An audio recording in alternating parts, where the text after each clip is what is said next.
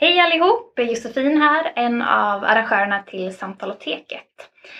Tisdag den 27 oktober är det äntligen dags för en Samtaloteket-kväll igen.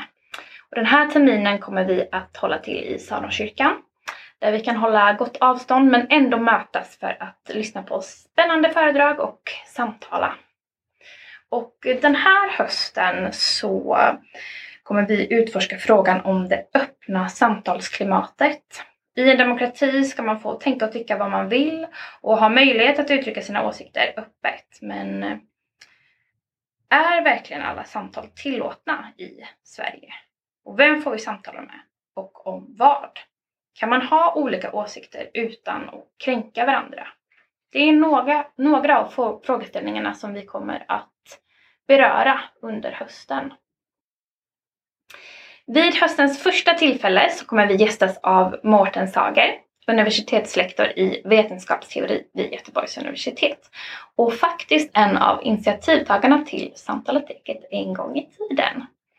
Och som av en händelse så sitter jag just nu med Mårten. Så Mårten, hur känns det att nu få vara gäst hos Samtalateket? Det är ju väldigt ärofyllt att få frågan förstås. Men det ska bli jättespännande. Det tycker vi också. Och vad kommer du att prata om tisdagen den 27 i stora drag? Men, tala om det som delvis är samtalslekets idé kan man säga. Att uh, hur, hur för vi samtal med varandra och vad är det som händer idag med samtalet i stort? Uh, I sociala medier, i politiken. Um, hur samtalar med varandra på ett sätt så att vi både lär oss nya saker eh, men också så att vi driver utvecklingen eh, framåt eller i alla fall åt, åt något visst håll. Samtal är ju inte oskyldiga förstås. Men just nu så känns det lite grann som att samtal är, är allt annat än oskyldiga. Samtal är blodtörstiga och liksom fyllda med övervåld åt olika håll och kanter. Så det känns inte som att det är helt framme vid ett, ett bra klimat. Precis.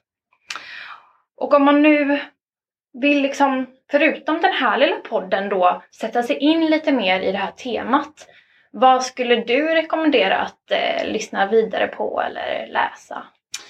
Ja, men det finns, finns några sådana där inspirationskällor. Jag vet att, att eh, Stina Oskarssons samtal i Kvartals fredagsintervju eh, har inspirerat även er i programgruppen och jag tyckte också det var väldigt spännande att lyssna på det. De talar om just eh, kanske varför samtalen blir så eh, lite störda egentligen.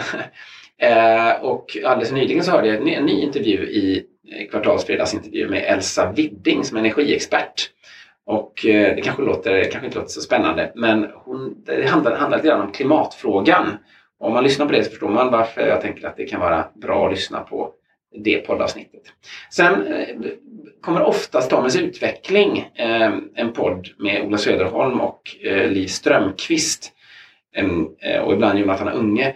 De kommer ofta in på den här typen av frågor och där var det avsnitt 50 och 53 under våren och sommaren som kom in lite grann på det här i lite olika sammanhang. Och det sista tipset är eh, Läsarpoddens avsnitt 44 som handlar om en bok eh, som heter Kill All Normies som är ett sånt där stridsrop från en av de mer extrema miljöerna på nätet. Så eh, det är mitt sista tips.